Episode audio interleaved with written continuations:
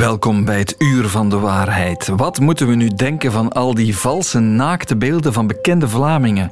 Misschien duiken er binnenkort ook van jou wel op. Internationale cybercriminelen, niet meisjes, zeggen ja, als je niet betaalt, dan gooi je dit online. Hoe lokken malafide oplichters buitenlandse studenten naar niet bestaande Vlaamse koten? Hij ging dat even googlen, keek op Google Street View en uh, wat hij zag was gewoon een kerk in de hoerenbuurt en totaal geen studentenkamer. En wat als de Aziatische hoornaar toch geen terrorwesp blijkt te zijn? Het klopt niet dat die soort gevaarlijker is dan andere wespen die uh, inheems zijn.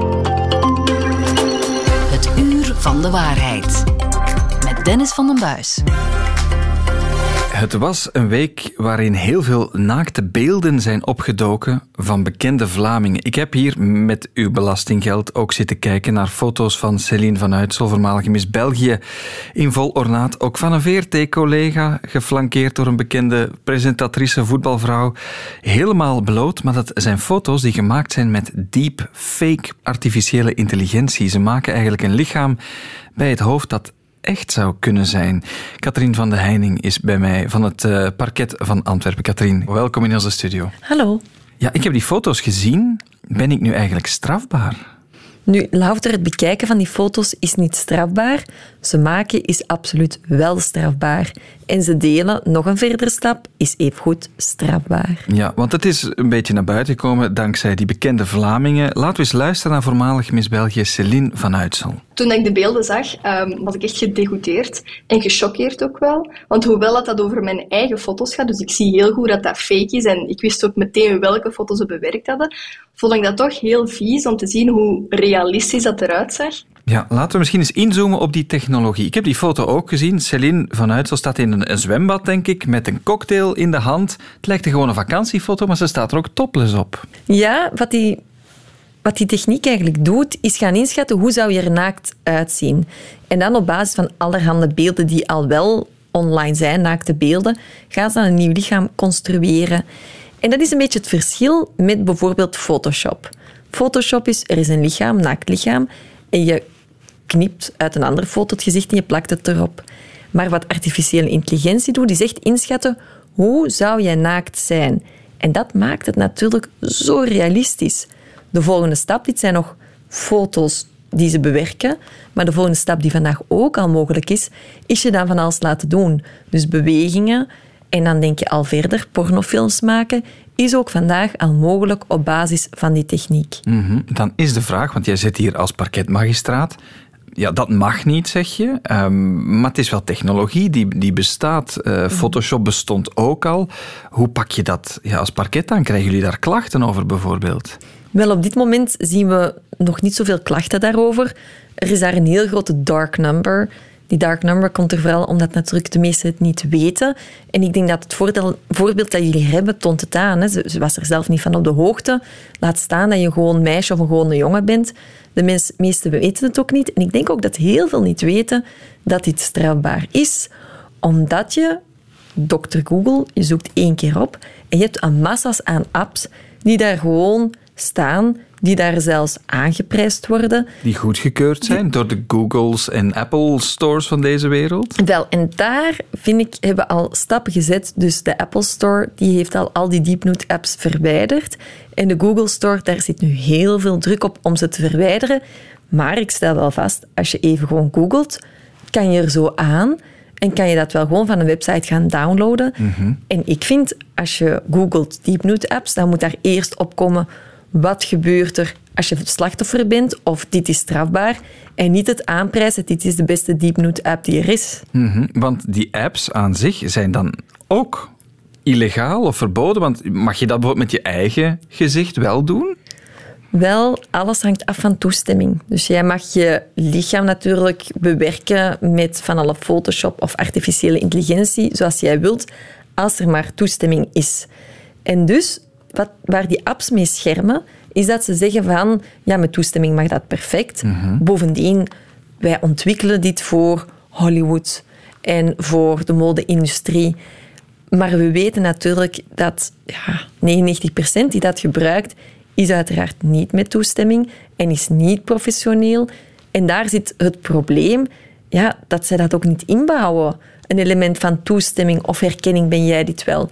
En dan wordt het natuurlijk gewoon een speeltje in handen van heel velen. En laten we eerlijk zijn, als je zoiets zomaar overal op het internet ziet, ja, wat ga je dan denken? Dan ga je ook denken, één, zo erg is het niet. En twee, het mag, terwijl het, Het mag lijkt niet. een gimmick, hè? Alsof je een filter op je gezicht plaatst. Ouder en jonger worden. Nu gaan we eens lekker naakt kijken hoe we er zouden uitzien. Maar het is wel strafbaar. Wat riskeren mensen... Stel, Celine van Uitsel, ze zei... Ik weet niet wat ik hiermee ga doen of ik klacht ga indienen. Zij doet dat. Jullie vinden de mensen die dat verspreid hebben. Wat riskeren die? Wel, wij bestraffen dat onder voyeurisme en daar staat vijf jaar gevangenisstraf op.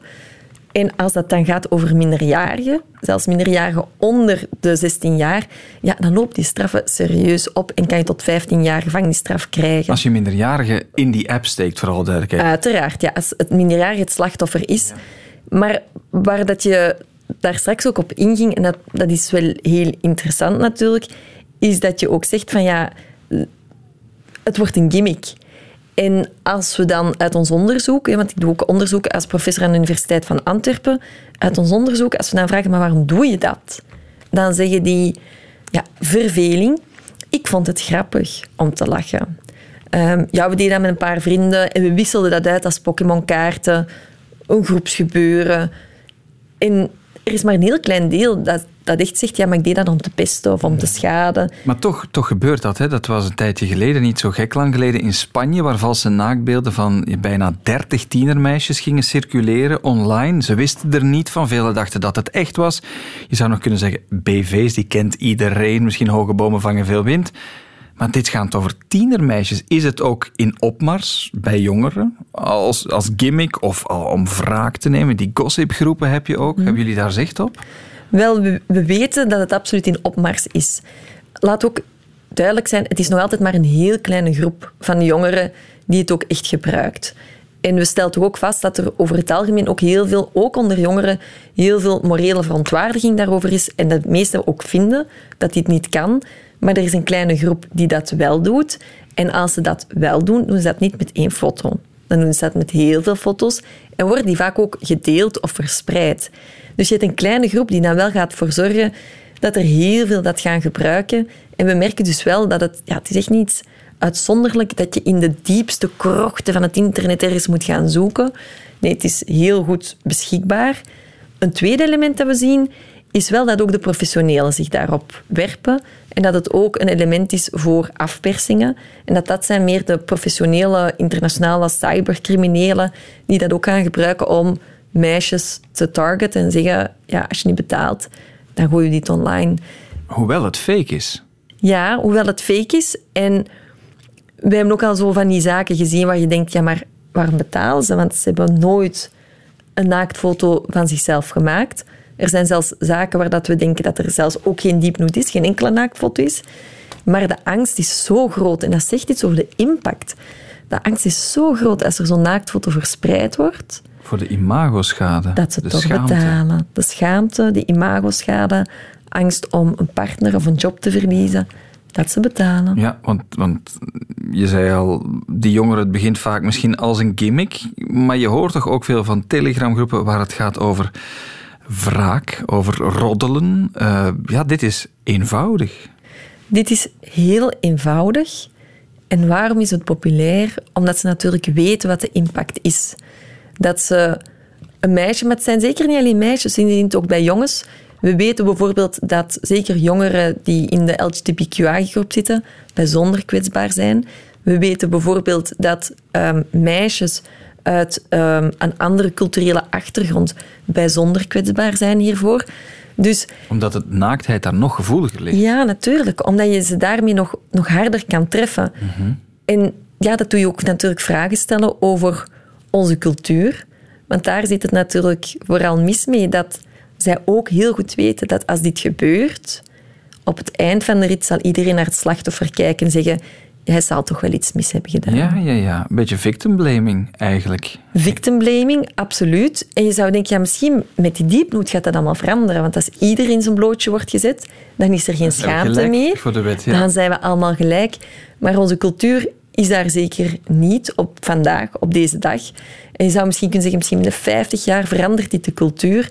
Maar onze cultuur moet vooral evolueren in jouw lichaam is van jou en niemand mag daar zonder toestemming iets aan veranderen of dat ontbloten. Mhm. En we moeten naar zo'n cultuur gaan van toestemming. Want ik hoor jou ook al heel de tijd zeggen, het komt voor, we zien het, maar veel gebeurt onder de radar. Mhm. Er is schaamte, er is een dark number. Wat raad je slachtoffers aan? Wel, slachtoffers moeten vooral niet mee blijven zitten. Want dat zien we vooral bij de jongeren. Bij ouderen is het een beetje anders, maar bij de jongeren ja, ze zitten met schaamte. En wat doen ze? Ofwel vertellen ze het aan niemand, ofwel vertellen ze het alleen maar aan hun vrienden. En ze gaan eigenlijk nooit volwassenen aanspreken.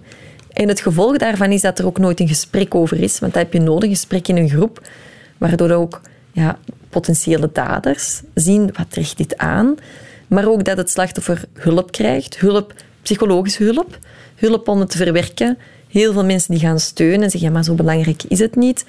Maar ook hulp in bijvoorbeeld het verwijderen van beelden. Er is eigenlijk al heel veel mogelijk in het verwijderen van beelden. We worden daar steeds beter in. Maar natuurlijk, als we het niet weten, of we weten het pas na een jaar, dan wordt het veel moeilijker. Dus, wie zijn we? Wie, wie doet dat dan, bijvoorbeeld, we, die beelden verwijderen? We, de politie kan die verwijderen, maar ook Child Focus voor de minderjarigen en het Instituut voor de Gelijkheid van Vrouwen en Mannen voor meerderjarigen. En die zijn er echt wel straffer in geworden. We hebben ook Europese regels nu die ons helpen, waardoor dat er directe lijnen zijn met heel veel van de platformen en kunnen we toch echt wel veel betekenen mm -hmm. voor slachtoffers. Maar ik zeg het, ook ja, die psychologische hulp, dat wordt vaak overgeslagen. Omdat ze zeggen, ja, als je wordt aangerand... Dat heeft een impact op een jong ja, leven. Dat heeft een, ouderleven een ook, enorme natuurlijk. impact. En als je dat dan niet aanpakt, ja, ga je een soort van schaamte over je lichaam voelen dat je heel je leven met je meedraagt. Ja, is dat ook geen, geen ja, vreemd raakvlak? Laten we, ik trek het op flessen, hè. Lachende puberjongens die het een gimmick vinden en heel kwetsbare meisjes die dit jaren meedragen. Exact, ja. Ik kan het niet beter zeggen zoals jij het hebt gezegd. Wij noemen dat ja, een soort van ontkoppeling. Er klopt iets daar niet tussen enerzijds die jongens die als je daarnaar vraagt, mm -hmm. zeggen van, ja maar waarom spreken jullie mij daarop aan? Of helemaal als het met politie is, dit is er toch volledig over. En je ziet ook soms aan ouders daarin meegaan. Ja, dat was toch een spelletje en dat was gewoon beschikbaar. Ik kon daar gewoon, gewoon aan met Google en downloaden. En iedereen van mijn vrienden doet dat. Mm -hmm. Dat is één. En het is niet echt. Maar voor het slachtoffer is het allemaal wel echt. En als we die, ja, die twee mechaniekjes niet op elkaar krijgen van wat de impact is en hoe casual eigenlijk diegenen die het doen, hoe makkelijk dat het allemaal gebeurt, ja, dan gaan we nog heel veel problemen zien.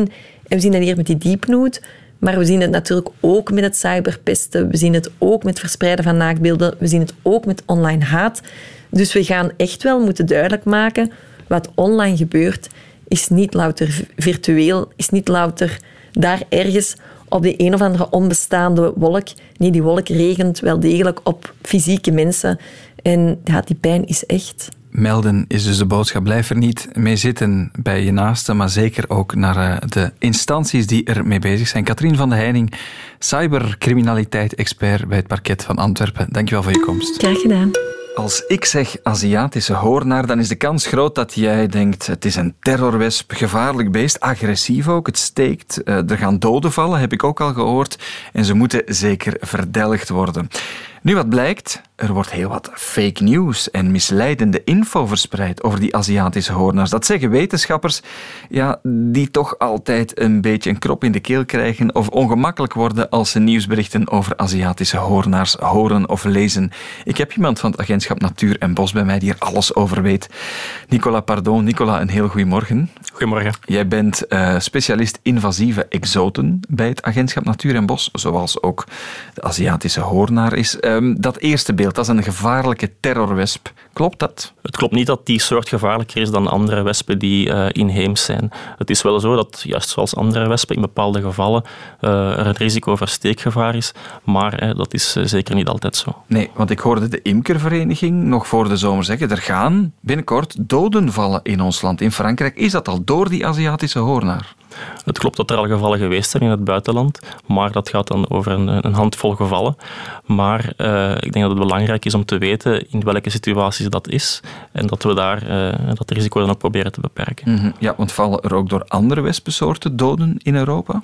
Het is altijd wel mogelijk, denk ik, dat, dat uh, als er mensen gestoken worden en daar gevoelig uh, voor zijn, uh, als ze allergisch zijn bijvoorbeeld, dat er wel een, een risico is dat, daar, mm -hmm. dat ze daaraan kunnen doodgaan.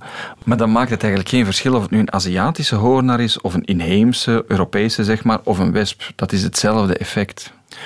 inderdaad, het, het gif is eigenlijk hetzelfde.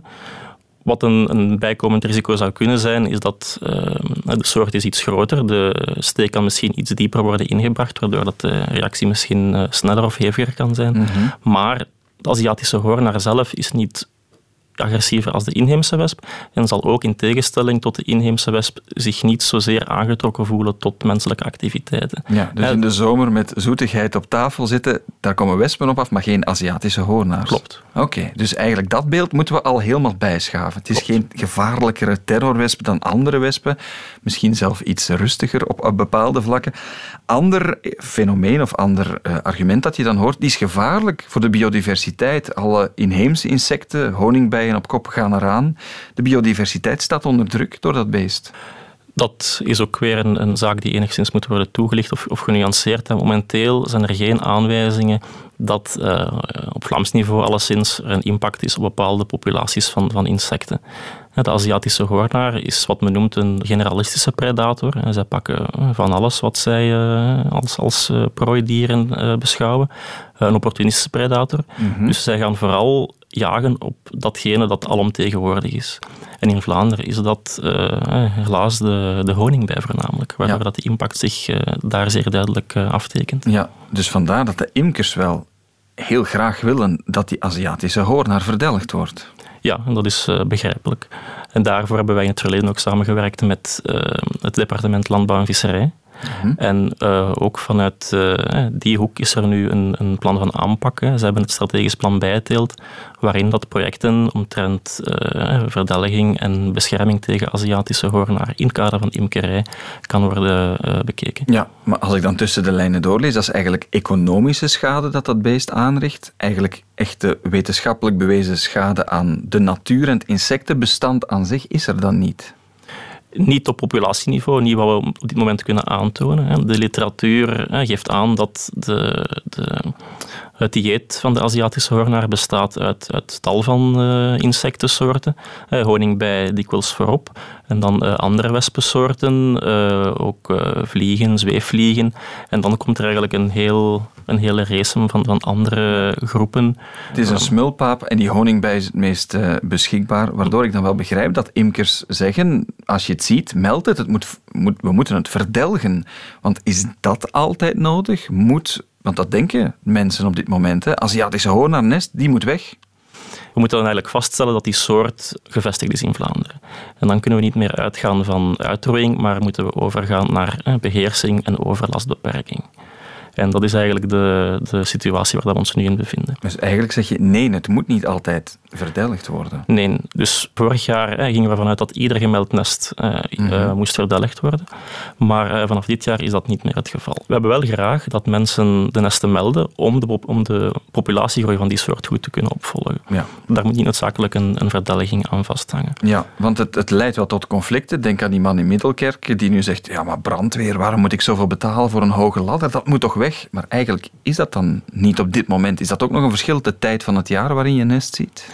Ja, dat speelt dan ook een beetje in op dat perceptieprobleem van, van het imago van de hoornaar.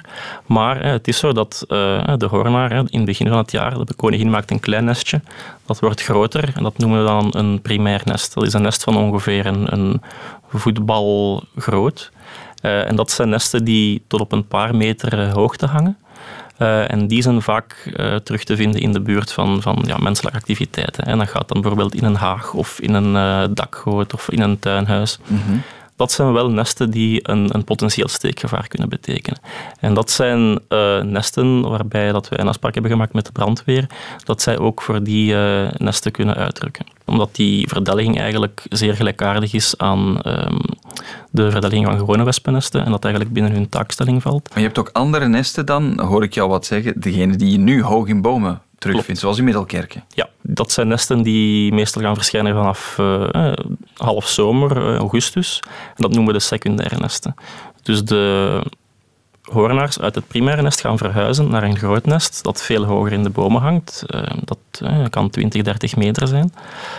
Maar dat zijn geen nesten die een, een potentieel steekgevaar inhouden. Hè. Daar zal geen toevallige passant langskomen waardoor de hoornaars zich bedreigd voelen. Mm -hmm. uh, en er zal geen massale verdedigingsreactie gebeuren uh, ten opzichte van die nesten. Ja, want als ik jou zo hoor eigenlijk, als je het op een rijtje zet, ze is niet agressiever.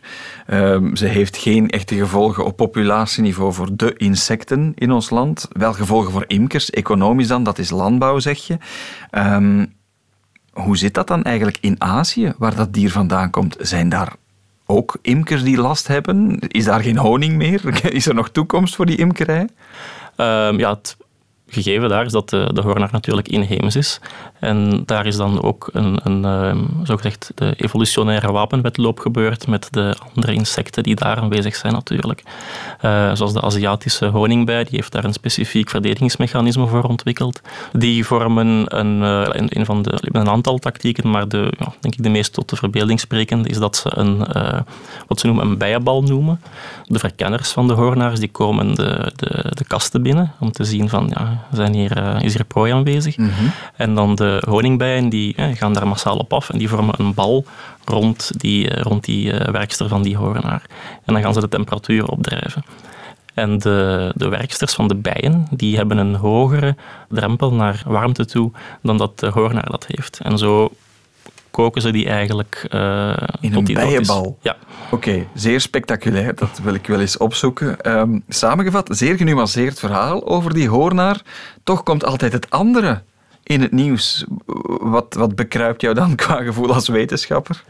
Ja, het, het is zo het probleem van, van de hardste roept of de hardste, de hardste boodschap wordt gehoord. Het is dan moeilijk om daar een, een, een genuanceerd tegenwoord op te bieden, want dat mm -hmm. haalt vaak niet de, de, de toppen die het voorgaande bericht heeft gehaald. Dus ja, is het moeilijk om daar... Um, voor te blijven. Eigenlijk. Ja, dus eigenlijk samengevat, de eerste gedachte als we een hoornaar zien of zo'n nest rustig blijven, het valt allemaal nog wel mee. Ja, rustig blijven, melden. Een, een hoornaar uh, zelf uh, kan gemeld worden via uh, waarnemingen.be en het nest dan graag via vespawatch.be. Nicola Pardon van het agentschap Natuur en Bos, specialist invasieve exoten. Welke zitten er nog in je portefeuille trouwens? ja, Amerikaanse stierkikker, Afrikaanse klauwkikker, ehm, de Chinese muntjak. ja, we krijgen ook veel vragen rond Japanse duizendknoop natuurlijk. Het gaat alle kanten uit. Goed, jij hebt, jouw dagtaak is verzekerd. Dankjewel om bij ons te zijn over de Hoornaar. Vriendelijk bedankt. Het uur van de waarheid. De VRT Nieuwscheck.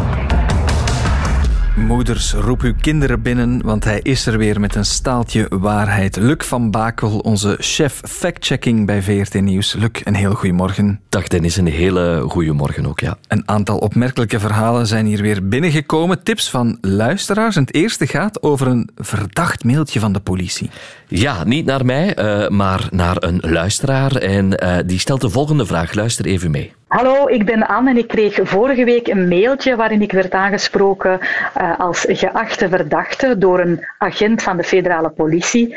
Hij zei me dat hij bewijzen had dat ik uh, beelden van kindermisbruik had gedownload en verspreid, maar hij wilde die bewijzen wel laten verdwijnen als ik wat geld, 1400 euro, op zijn bitcoin-rekening zou storten.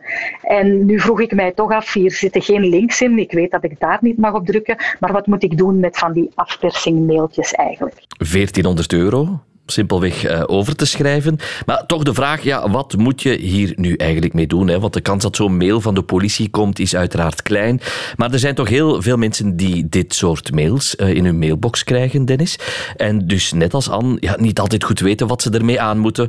Uh, en we hebben die vraag dan ook voorgelegd aan Mathieu Verschragen. En dat is een voormalige politieman en nu cyberexpert bij Mediavista. Ik kan eerst al zeggen dat de politie nooit zo'n mail zal sturen. Het gaat eigenlijk om een massa-oplichting, vergelijkbaar met e-mails die zogezegd door de voormalige commissarissen-generaal van de federale politie, Katrien de Bolle en uh, Mark de Mesmaker, werden uitgestuurd, met als onderwerp convocatie en een officieel lijkende brief in bijlage.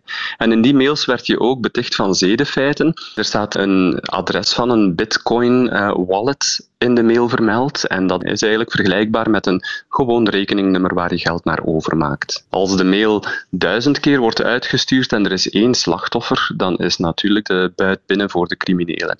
Maar jammer genoeg zijn er wel meer slachtoffers uh, te betreuren mailt de politie je om te zeggen dat je zedenfeiten gepleegd hebt en dat je het wel onder de mat kan vegen voor 1400 euro?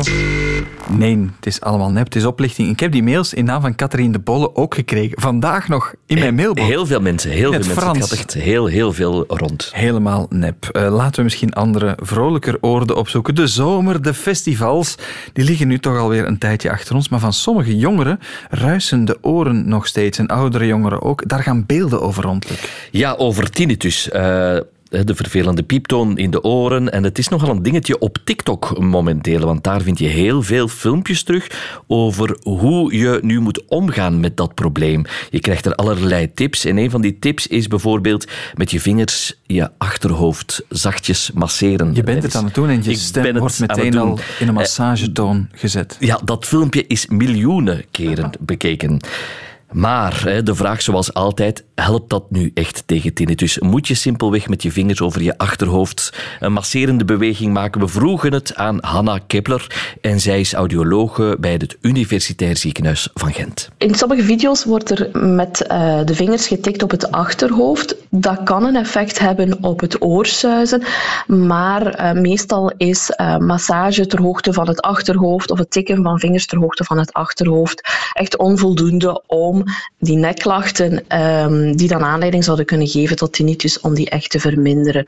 Dus belangrijk is dat er toch uh, wordt gekeken door een kinesist welke invloed dat het heeft en uh, welke behandeling dat dan kan helpen om die klachten te verbeteren. Helpt masseren om tinnitus te verhelpen? Ja, pa, nee, pa, ja, pa, nee, pa, ja. Het is een beetje deur, want dat tikken tegen je achterhoofd kan dus wel iets opleveren? Wel, het kan een klein, klein beetje een effect uh, hebben, maar het blijft toch aangewezen. Heb je daar last van? Ja, stap gewoon even naar de dokter. Dat is toch nog altijd beter dan een filmpje te volgen op TikTok. Ja, deze week is er een advertentie opgedoken voor de jongeren van Geest of van Smaak van uh, Fairbel. Dat is een eerlijke of een faire melkcoöperatie met beweringen over chocolademelk.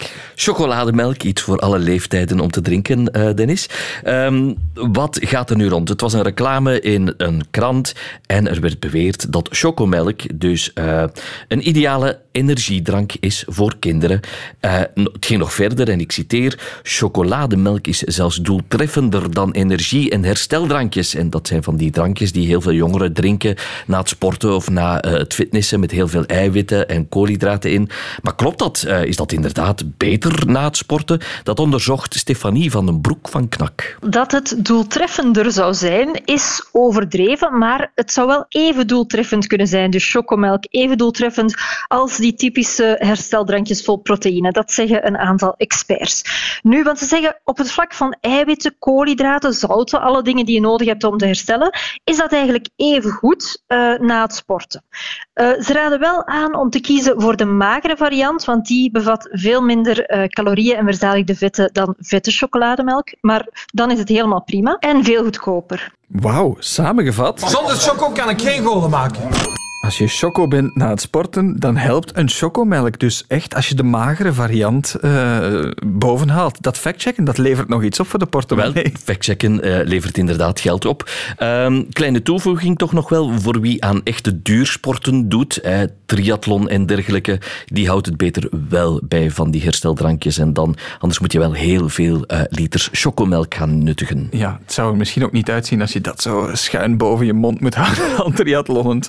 Maar goed, Luc, zeer interessante factchecks. Waar kunnen we ze allemaal nalezen? Dat kan op de pagina van de checkers.be. Daar vind je alle factchecks van 14 Nieuws, van Knak en van Factcheck Vlaanderen terug. Dankjewel, Luc. Het is weer de tijd van het jaar waarin studenten massaal aanwezig zijn. In Leuven, in Gent, in Antwerpen, in Brussel. En ze gaan ook op zoek naar een kot. Maar als je vanuit het buitenland bij ons komt studeren, dan loopt die zoektocht naar een kot zo mogelijk nog moeilijker. Doe je dat online en wat blijkt? Er zijn heel wat oplichters actief die koten die niet bestaan proberen te verhuren. Daar is onze stadsjournalist van VRT Nieuws in Gent bij uitgekomen. Wart Schoepen. Wart, goedemorgen. Goedemorgen, hallo. Wart, hoe is dit verhaal op jouw radar gekomen? Uh, ja, ik uh, loop in de stad rond op zoek naar verhalen en ik kreeg te horen dat er heel wat studenten, uh, buitenlandse studenten, ook in hostels verbleven, op zoek naar een kamer. er is een groot tekort in Gent, maar ook in andere studentensteden aan die, aan die koten. En ja, die verblijven daar dan enkele dagen of soms weken terwijl ze een adres zoeken. Ik heb met een aantal van die mensen gesproken en zij vertelden mij dat er online heel wat valse kotadvertenties circuleren. En het blijkt om een probleem te gaan dat al, al vele jaren bestaat en sinds de coronacrisis eigenlijk nog erger is geworden. Ja, want wat is dat, een vals kot? Hoe moet ik me dat voorstellen? Eh, ja, dus meestal zoeken mensen via de geëikte wegen, hè, de website van de universiteit of, of van de stad, maar die kamers zijn beperkt, dus ze gaan dan een heil zoeken op sociale media en daar loopt het dan fout, want oplichters die maken valse advertenties en dat mag je heel letterlijk nemen. De foto's die ze voor die advertenties gebruiken, die halen ze ergens anders vandaan bijvoorbeeld. Uh, het ziet er heel mooi uit. Die studenten zoeken heel snel een kamer, dus ja, ze gaan daarop in. Ze hebben dat soms ook nodig bijvoorbeeld om een, een visum te krijgen. Dus het zijn eigenlijk een beetje vogels voor de kat. Ja, maar dus een valse advertentie is één ding. Je wil dat toch zien voor je gaat betalen, denk ik niet? Mm -hmm, Ja, maar dat is het probleem natuurlijk. Bij buitenlandse studenten gaat dat niet. Hè. Die zijn uh, meestal niet ter plaatse, tenzij ze inderdaad ervoor kiezen om enkele dagen in een hostel te verblijven. Maar ze moeten dat van op afstand doen. En soms is dat in Europa en dan valt dat misschien nog wel mee om even tot in Gent, Leuven, Brussel of Antwerpen te komen. Maar als je uit India of uit Iran of uit Turkije komt, ja, dan gaat dat niet. Dan moet je een beetje vertrouwen op wat je te zien krijgt. En die mensen kennen de regelgeving ook niet altijd. Dus daar loopt het dan wel fout. Hè. Ja, en het gaat dan om voorschotten die afhandig gemaakt worden eigenlijk. Het gaat om verschillende soorten uh, fraude, oplichting, maar inderdaad, uh, heel vaak vragen verhuurders, of zogenaamde verhuurders zijn dat dan, die vragen een, een huurwaarborg van één maand en dan vaak enkele maanden die vooruit betaald worden. Het gaat om twee maanden, ik ken zelfs een verhaal van vijf maanden en dan lopen die bedragen natuurlijk heel snel op. Het gaat vaak over duizenden euro's. Die mensen maken dat geld over, die, die buitenlandse studenten, die storten dat op een rekening. Ja, en dan blijkt dat om een rekeningnummer te gaan dat, dat niet uh, uit België komt, van iemand totaal anders is, uh, die een identiteit zelfs gestolen heeft, uh, heb ik ook gehoord. Bijvoorbeeld één voorbeeld. En dat geld is weg. Uh, en die mensen zijn ja, duizenden euro's kwijt, mm -hmm. soms nog voor ze aangekomen zijn in de nieuwe studentenstad. Ja, je hebt ook een aantal van die studenten mensen kunnen spreken. Misschien moeten we eens luisteren, als het over honderden euro's gaat, naar het verhaal van Anvesh uit India. I did apply for a house which was shared with three people. The rent was around 500 euros. They said like, yeah, you have to pay your deposit right now, like right away within a week. They don't even give you a lot of time. I lost about a uh, thousand euros in the first week before even I arrived when I was transferring that from India. Duizend euro is hij kwijt nog voor hij naar België vertrok. En het moest rap gaan, hoor ja, ik Ja, het moest heel rap gaan. En ja, dan, dan, dan vertrekt die man, een week voor vertrek hoort hij van ik heb geen kamer. Moest hij een andere kamer gaan zoeken. Was ook geen sinecure, heeft hij gelukkig wel gevonden. Maar zo zijn er veel mensen, uh, zoals Anwesh, die dus inderdaad opgelicht worden en dan ja, ten einde raad opnieuw een kamer zoeken. En soms zelfs opnieuw opgelicht worden. Mm -hmm. Ja, we zijn hier niet alleen, Wart. Nog nee. iemand heeft hier uh, present getekend deze ochtend in het Uur van de Waarheid. Joy Verstichelen van de Huurdersbond is bij ons. Joy, een heel goedemorgen. Goedemorgen. Ja, is dat een bekend probleem? Is dat groot wat, wat hier nu aan het licht is gekomen? Ja, het blijkt toch behoorlijk uh, veelvuldig voor te komen. In 2021 schreven wij er al over. Maar er is ook een onderzoek geweest uh, vanuit de uh, Europese Studentenbond en het netwerk van Erasmus-studenten. En daaruit blijkt dat ongeveer één op de vier studenten, internationale studenten, op een of andere manier in aanraking komt met dit soort oplichters. Dus één op vier is heel wat. Dat betekent niet dat die mensen ook effectief slachtoffer worden, maar ze zien die advertenties wel passeren. Ja, um, is dat iets waar jullie ook mee bezig zijn, waar jullie iets mee kunnen met die meldingen? Wel, we kunnen er iets mee, maar het is ook niet, uh, niet oneindig. Hè. Dus uh, vaak moeten wij aanraden aan die mensen om een PV neer te leggen, een procesverbaal te vragen bij de politie, daar klacht neer te leggen.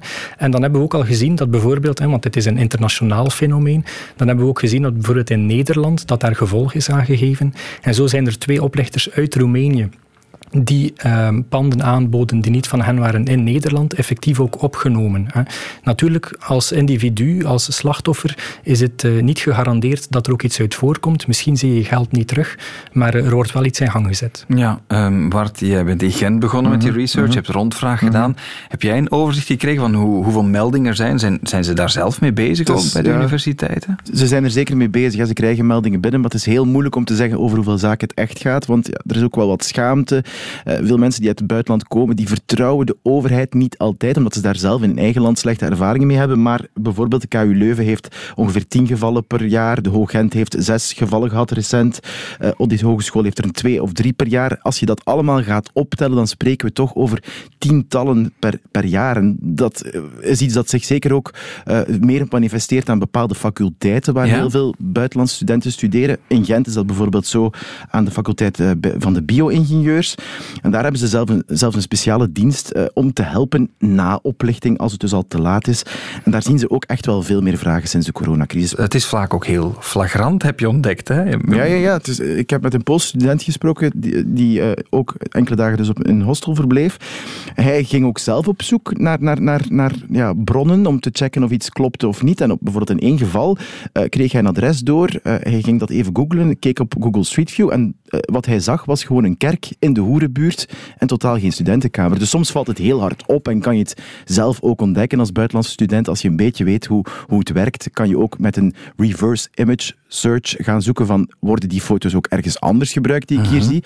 Maar dan, dat zijn dingen die heel hard uh, opvallen, maar die, die oplichters zijn zeer gebikst, dus ze gaan echt een pak verder. Het is effectief niet makkelijk. Hè. Soms zie je ook aan, aan de taal die gehanteerd wordt, aan de druk die gezet wordt, uh, kan je zaken afleiden. En dan is het belangrijker om verder te zoeken en eventueel ook contact op te nemen met de onderwijsinstelling waar je effectief aan uh, zal studeren.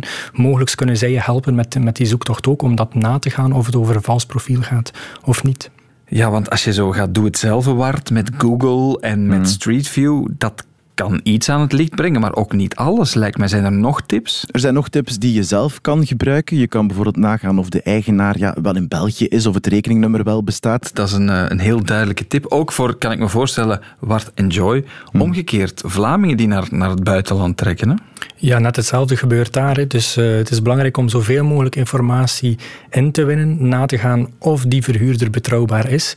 Ze proberen natuurlijk zo goed mogelijk weg te stoppen. Hè. We zien soms dat bijvoorbeeld zelfs valse identiteitskaarten getoond worden, uh, om, om je toch maar te overtuigen. Dus enige research is toch belangrijk. En inderdaad, als je toch zelf eerst kan zien voor je betaalt, dan helpt dat wel. Maar het is niet zo evident. Wart, jij hebt contact gehad met alle Vlaamse universiteitssteden. Mm -hmm. Zijn zij daar op een of andere manier ja. mee bezig? Want ja, hun hun, reputatie staat ook een beetje op het spel. Ja, absoluut. Ze zijn er zeker mee bezig. De hogere onderwijsinstellingen trouwens ook. Dat wil ik toch echt benadrukken. Die hebben speciale diensten, die hebben mensen die daarmee bezig zijn om op te treden na oplichting, maar zeker ook om dat te helpen voorkomen.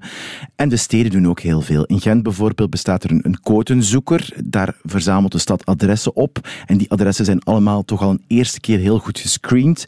Uh, in BRICS, uh, dat is in Brussel, gaan ze echt ook op plaatsbezoek om te controleren of alles klopt. Uh, dus ja, er is wel echt veel bewustzijn over het feit dat dit gebeurt. Maar toch gebeurt het. Maar het gebeurt nog altijd. Samengevat, Joy, dit lijkt me een heel moeilijke situatie om mee om te gaan, maar we moeten het blijven melden of studenten die ermee te maken hebben. We moeten het blijven melden, we moeten erop inzetten, maar misschien zijn er ook een aantal regelgevende initiatieven mogelijk ja, die die oplichters bemoeilijken. Hè. Een van de zaken die we bijvoorbeeld zien is dat er nu vaak een huurwaarborg op voorhand wordt gevraagd uh, en in de studentenhuur mag die huurwaarborg gestort worden op rekening van de verhuurder. Bij een normaal pand dat je huurt, moet dat op een geblokkeerde rekening staan. Blijkbaar is dat bij studentenhuur niet nodig, waardoor je dit situaties natuurlijk makkelijker, makkelijker creëert. Alleen is het voor internationale studenten moeilijker om een geblokkeerde rekening uh, te openen, omdat ze hier nog geen adres hebben. Daarom Los van de problemen willen jullie dat wel ter sprake brengen? Ja, omdat je meteen ook een stuk de schade beperkt en voor die oplichters ook een stuk het verdienmodel eruit haalt. Hè. Dus wij denken dat een, een fonds, hè, één fonds waar alle huurwaarborgen voor studenten, maar eventueel ook voor de totale huurmarkt ingestort worden. Hè, uh, en dat dat fonds de nodige zekerheid biedt aan huurder en verhuurder, hè, uh, dat die bedragen daar vaststaan.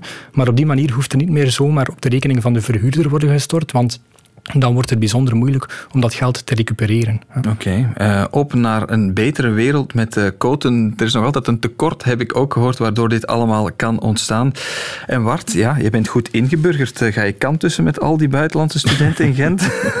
Hoe gaat dat? Ik heb nog geen uitnodiging ontvangen, maar ze zijn natuurlijk net toegekomen. Dus misschien moeten we eerst wat wennen aan de stad ja. en de lokale horeca leren kennen voor ik die uitnodiging ja, Misschien moet je ze toch eens tracteren als ze al zoveel honderden euro's zijn kwijtgeraakt. Dat ga ik doen. Dat gaan we doen. Bij deze. Oké, okay. Wart onze stadsjournalist in Gent. Dankjewel. En ook Joy Verstichelen van het Vlaams Huurdersplatform. Dank voor je komst. Graag gedaan. En daarmee zit deze podcast van het Uur van de Waarheid er weer op. Een co-productie van VRT Nieuws en Radio 1. Wil je meer weten over de wonderenwereld van desinformatie, complottheorieën en fake news? Herbeluister dan alle eerdere afleveringen. Dat kan via de app van VRT Max. Tot de volgende.